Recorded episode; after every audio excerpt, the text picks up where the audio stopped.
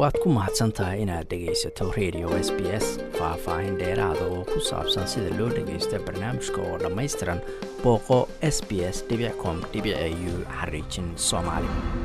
Soomaaliya weli waxaa ka socda doorashada xildhibaanada aqalka hoose. Meelaha qaarkood muran dhaliyey cabdirashiid axmed waxa uu u tartamayaa kursiga hob hal sagaal sagaal oo yaalla waqooyiga magaalada gaalkacyo. Cabdirashiid ku soo dhawo idaacadda waa mahadsan tahay adiga iyo shaqaalaha idaacadda iyo jaliyadda soomaaliyeed ee australiaba baan idin salaamayaa oo runtii ka tirsanahay muddana hadda ka soo maqnaa. Waa gartay.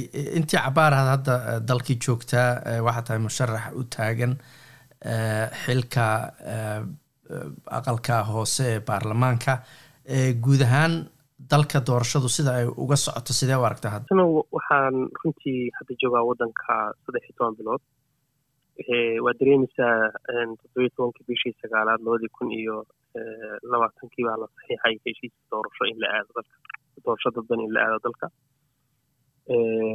marxaladaha ay soo martay iyo duruufaha siyaasadeed ee badan ee soo martay iyo cagtiidka ay soo martayna waad garan kartaa. Saasoy tahay ayaa hadda oo aynu saacaddan joogno aan weli doorasho habsami leh oo si si maaragtay lagu kalsoonaan karo u socota aanay jirin. Waxaan runtii is leeyahay waxyaabo badan oo isbiirbiirsaday awgeed ayay doorashadu la maaragtay runtii muddadaa la soo jiitamaysay waxaana ugu muhiimsan hoggaanka dalka oo marnaba aanay ka go-nayn doorasho in la aado. Meeshaan soomaaliya iyo africana dadku dowladuhu ma lahaa hay'ado xoog badan oo dowladnimada wada. Waxay ku dowlad walba oo africa africadan maxaan ku rahday caalamka dunida saddexaad dowlad walba waxay ka dhursugtaa uun waa markaa jooga wuxuu sameeyo. Marka hoggaanku haddii uu hawl rabana durbo waa la dedejiyaa haddii uusan rabinna hawshaasi way dayacantaa. Marka hadda sida iga muuqata dayac badan baa ka muuqda doorashadan ujeedka uu ka leeyahay hoggaanku ma garan karo runtii farmaajada hadda madaxweyne farmaajo ujeedada uu ka leeyahay. Iyo xataa hadda dowlad goboleedyada qudooda oo iyaga laftooda hadda noqday qaarkood musharaxiin noqdeen oo qaarkood ay rabaan inay maxaan ku dhaha kursiga ay xubinta baarlamaanka ee soo baxaysa ay kursigooda ku badbaadiyaan. Marka culays siyaasadeed oo badan isfahmwaa siyaasadeed oo badan ayaa ka jira soomaaliya guud ahaan. Waxaan rajaynayaa in hadeer ay ay sida hadda ay wax u bilowdeen aqalkii hoose hadda uu bilowday kii sare uu soo dhammaaday kii dhowr bilood buu socday isagoo konton iyo afar kursi ah welibaana ka xadidan oo dowlad goboleedyadu go'aan ka gaariyeen oo baarlamaanadu ay dooranayeen. Kan oo ay erga dooranayso kursigii u dhiganta boqol iyo kow qof reera leeyihiin jafooyin isku haystaan sida uu ku dhammaan karo. Wallaahi hadda ima muuqo waa gartay aqalka ama doorashadu hadda ilaa iyo hadda dhowr gobol bay ka bilaabatay gobollaa harsan puntland baa ka mid oo weli aan bilaaban oo kursigaaga ama kursiga hadda tabtamaysa uu yaallo. Ma laynii sheegay waktiga ay dhici karto inuu puntland ka bilowdo? Maxaase haystaad is leedahay in doorashadu ay puntland ka bilaabato? Waagii hore in doorashadan tii ka horreysay oo u soo ekayd dalku saddex doorasho hadda soo maray. Doorashadii u horreysay gudaha dalka ka dhacday waxay tii markii xasan sheekh u soo baxayey isinka beesha ayaa soo saxiixayay qofka xildhibaanka noqonaya. Marka qofka xildhibaanka noqonayay shahaado ayuu ka soo qaadanayay isinkiisa guud saasaa xildhibaan lagu noqonayey kii uu ku yimid madaxweyne farmaajo waa la badiyey xoogaa konton qof ayaa laga dhigay in ay dooranayaan xubinta oo konton qofna ay reerku soo iska soo xulayaan ergo reerka ka timid ay soo dooranayso. Isla iyadii unbaa hadeerna lagu dhaqmaya. Marka waxay ahayd maadaama uu hadda uun la siyaadiyey kontonkii uun lagu daray konton kale oo wax kale oo la bedelay aanay jirin in ay program aynu horey u soo marnay oo garanayno khibrad u leenahay inay tahay oo durba lagu lagu dhaqaaqo fulintiisa ayay ahayd. Laakiin waxyaabaha hakinaya oo doorashada dib u dhigaya waxaa ka mid a dowlad goboleedyadii ayaa waxay ka arkeen fursad halkaas in ay maadaama kuraastu ay taallo meesha inay iyagu leeyihiin oo kale. Oo madaxweynaha dowlad goboleedku uu isagu xoogga saaro sidii uu ku soo xulan lahaa dad isaga la siyaasada isaga la aragti ah dadka meeshuu mariya dhaho marinaya hadduuba isagu sharaxan yahayna isaga doorta dhahaya. Marka dowlad goboleedyada noocaas u fakeraya ayaa keenay in khalkhal badan uu yimaado oo aan lagu talagelin waxaad ogtahay xasanow inagu intaa hadda dowladnimada soomaaliya laga soo shaqaynayey waxaynu ku soo dhaqmaynay xeerka aan qornayn ee dastuuriga iska noqday la yidhaahdo four point five. Kaas waxaan is leeyahay dadku way ku wada qanacsanaayeen.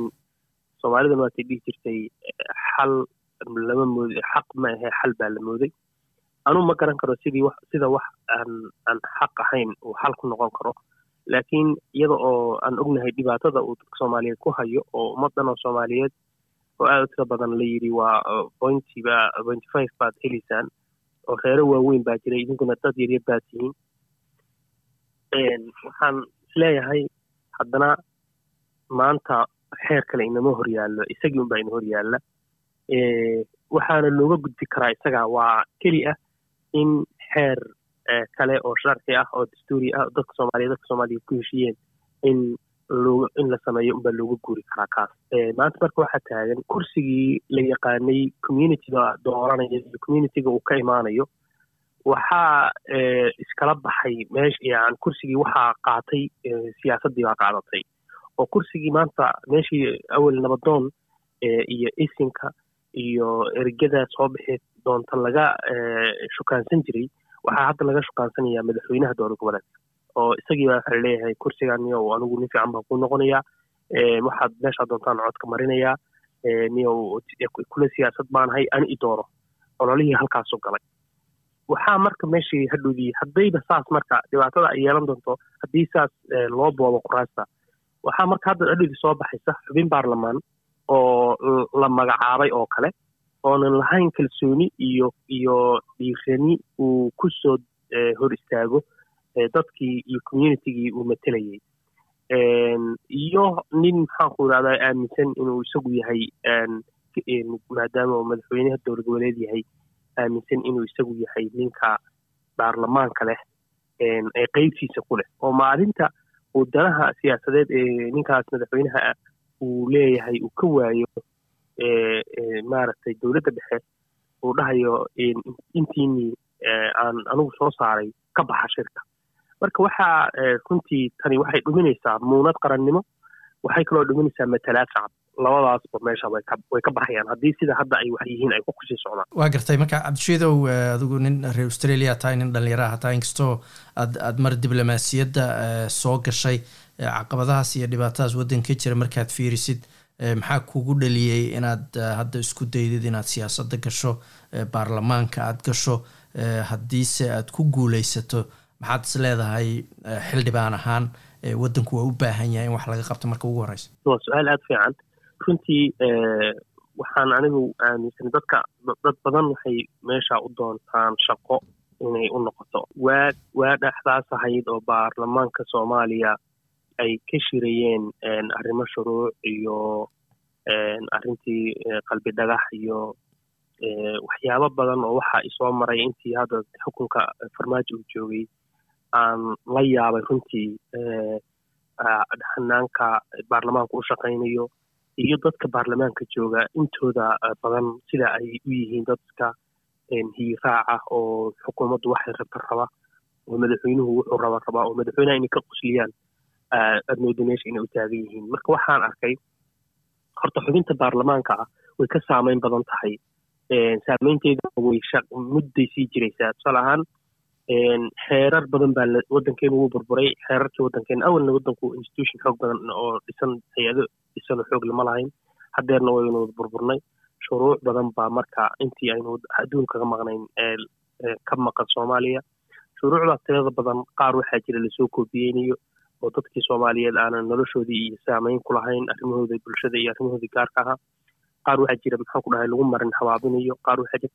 Marka waxaan leeyahay armaad mas'uuliyaddaas wax ka qaadan kartaa oo aad shuruucda waddankan loo baaskaraynayo bolisiska iyo siyaasaadka waddankan laga hirgelinayo ee laga yaabo qaarkood inay maarata dad cadowa soo lifaaqayaan qaarkood kii hadda jinsiga oo kale oo waxa loola jeeda aadan garanaynin iyo si maaragtay loo soo danta laga leeyahay aadan garanaynin hay'adad shisheeye ay gacanta iskaga jiraan oo mustaqbalkii ummadda soomaaliyeed iyo shacabka soomaaliyeed aad runtii arkayso xasanow hay'ad tusaale ahaan shirkad ama hay'ad aan waddankeena laga lahayn oo valueska iyo qiyamka iyo akhlaaqiyaadka dadkeena iyo dalkeena aqoonin kana turjumaynin ay aad moodo inay maxaanku idhahdaa soo baasgaraynayso. Waxyaabahaas oo dhan markaad u fiirsato waxaad dhahaysaa war admaad aqoonta aad leedahay iyo fahanka aad leedahay aad uga faa'iideysaa maanta maxaanku idhahdaa dadka soomaaliyeed iyo dowladnimada soomaaliyeed.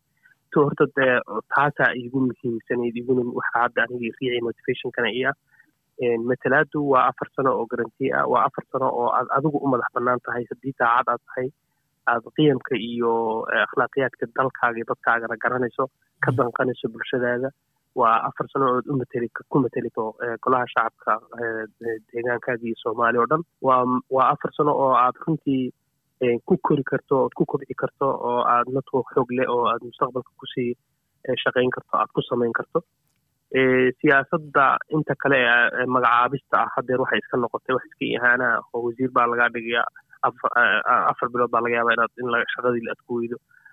Agaasimaa lagaa dhigaya wasiirka baa laga yaaba inta isku dhacdanaysa marka wax kalaan soomaalida dhinacan kale waxa aad qabanaysaa iska yartaa hadaad wasiir noqoto iyo hadaad agaasimo noqoto waxa aad qaban kartaa ay aad bay yarta marka waxaan door bidayey haddii aan shaqo soomaaliya ka qabanayo inaan baarlamaankaa soo galo iyadaana maxaan ku rahda u arkaa waxaa saameyn weyn inay yeelan doonto waa garta. Marka cabdishiidow hadda dhowr iyo toban bilood baad sheegtay inaad waddankii joogtid si nidaamkan looga gudbo qabiiliga ah four point five ka ah odayaashii iyo ergooyin badan madaxweynaha hadda maamul goboleedku uu maaragtay awood badan ku yeelanayo hal qof iyo hal cod dalku inuu u gudbo daruufaheedii ma ku jiraa baad isleedahay markaad fiiriso dhanka ammaanka. Dadku ma u diyaarsan yahay ma la samayn karaa. Afartan sano haddiiba nidaamkan lagu gudbo afarta sanoo ku xigta ma isleedahay fursad baa jirta in waxyaalahan o dhan laga gudbo. Ha haddii la helo hogaan ay ka go-an tahay waxaan markii hore hadalkaysaan ku bilaabay africa institutions badan oo xoog leh oo shaqa shaqa iyagu iswadi kara ma laha. Waxay ku xiran tahay wax walba siyaasad bay ka falantaa wax walbana siyaasad bay ka bilaabataa wax walbana siyaasad bay ku dhamaataa. Siyaasadda soomaaliya xoogaa waxay u soo eg tahay tan maraykanka oo kale oo habka dhaqanka aad moodo inaynu iyaga ka qaadanay. Iyagu laakiin waxay leeyihiin hay'ado waaweyn oo iyagu isriixi kara wax walba oo soomaaliya la qaado siyaasad bay noqotay haddii madaxweynaha maanta yimaada uu noqdo madaxweyne ay ka go-an tahay mar labaad inaanan lagu laaban jahawareerka hadda taagan oo kale oo danqashada noocaasa ay ku jirto. Uu dantiisa siyaasadeed xataa uu ka dhex arko in haddii uu wax malmaluuqo uu one man one vote uu isagu ku soo laaban karo waan qabaa in laga qaban karo dadka soomaaliyeed dadka soomaaliyeedna ay diyaar u yihiin. Waxaan hadda aragnay puntland waxaanu aragnay somaliland dadku soomaalidu meel walbay joogaan waa isku nolol. Wax farqiga uma dhexeeyaan qardho iyo beledweyn oonan ahayn amniga. Haddii marka dowladdu ay ay ka go-an tahay waxaa la odhan karaa tusaal ahaan waa lagu heshiin karaa magaalooyinka iyo gobollada ay suurtagal tahay inay doorasho ka dhacdo. Iyadaas haddii lagu heshiiyana waynu qaban karnaa doorasho. Waan ku kalsoonahay anigu ma ahi dadka siyaasiyiinta ah oo yasa shacabka soomaaliyeed. Waxaan aaminsanahay aan horeyna u sheegay in shacabka soomaaliyeed uu yahay shacab isil diyaar u ah dowladnimo fahmi kara siyaasadda aad ugu dhundaloola aanan ka ahayn jaahil waxaa dhacaya iyo xogta maaragtay xogtu xog la'aan aysan haynin. Laakiin dhibaatada u weynan haysato waxay tahay hoggaan la'aan. Soomaaliya laba mushkiladood baan is leeyahay markaan aad dhinac walba uga eegay baa haysata. Mushkiladda ugu horeysa uguna weyn uguna culus waa mushkiladda fikirka oo dowladnimada lafteeda iyo waxa aynu dowladnimada ka rabno iyo siyaasigu dowladnimada sida uu maaragtay u aaminsan yahay iyo kooxda siyaasadda markaa ku jirta habka ay u fakerayso oo aad u liita oo aad u hooseeya oo aad moodo inay tahay dhadhamo iyo dhuuniraac ay ku soo ururtay. Iyo kan kale oo ah hoggaan la'aan waxaan aaminsanahay in soomaalidu maanta aanay runtii nasiib darro lahayn hoggaan ay wada adeeci karto oo ay kalsoonidooda siin karto oo ay jeclaan karaan ama ama ka baqi karaan. Labadaas sababood baa hogaanka keena in la dabagalo ama in laga boqo ama in in maxaan ku rahdaa la ixtiraamo la jeclaado.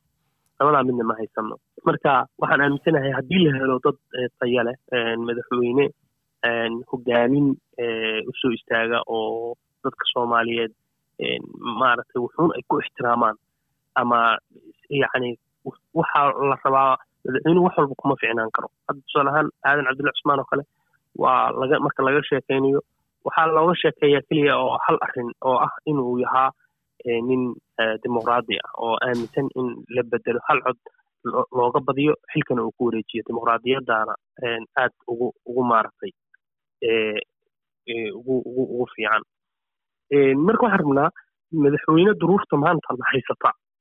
Uu aad runtii u badan madaxweyne ka istaagi karaa dhinaca positiveka. Ah waa garta cabdishiid tan ugu dambaysa adoo mahadsan haddii idaacaddan ay dhegeystaan ergadii beesha oo adiga iyo xubnaha kale ee laga yaabo inay u sharaxan yihiin kursiga aad ku tartamayso hadday ku dhegeysanayaan cabdishiid axmed maxaa rabi lahayd inaad tiraahdo waxaas ha laygu doorto maxaa lagugu doortaa runtii waxaan aaminsanahay waxaan ahay qof aada local u ah dadka ka warqaba noloshooda hoose. Hadda oo aan deegaankii joogo maaragtay xogtooda hoose iyo barnaamijkooda ka warhaya midka ugu horreysa oo aan rabi lahaa in lagu doorto waxa weeyaan inaan ahay nin ka warqaba dadka deegaanka iyo communityga soo dooranaya. Communityga codka uu ka rabo xogtooda hoose maaragtay nin ka warhaya deegaankooda iyo maanta baahiyaha ay jiraan oo waxaan ka soo jeedaa gobolka mudug gobolka mudugna maanta mashaariic waaweyn baa ka socota runtii una baahan fahan matalaad oo saxa dekadii garacad baa hadda dhismaysa waddo weynba waddadii galdogob gaalkacyo iyo garacad ayaa hadda bilow ah. Waxaa si fiican shaqo looga qabtay oo aan ku ammaanaya madaxweyne sheekh cabdullaahi beni magaalada gaalkacyo runtii aad iyo aad hadda u xasiloon waxaa xiriir fiican uu ka dhexeeya galmudug iyo puntland oo hadda u baahan in la sii kordhiyo. Marka waxaan is leeyahay ka shaqaynta danahaas gobolka aan matelo waan fahamsanahay iyadaasna waan ku shaqaynayaa. Haddaan sian anoonan xilka haynin ugu shaqaynayay ayaan ugu shaqaynaya haddii aan xilkaa qabtana.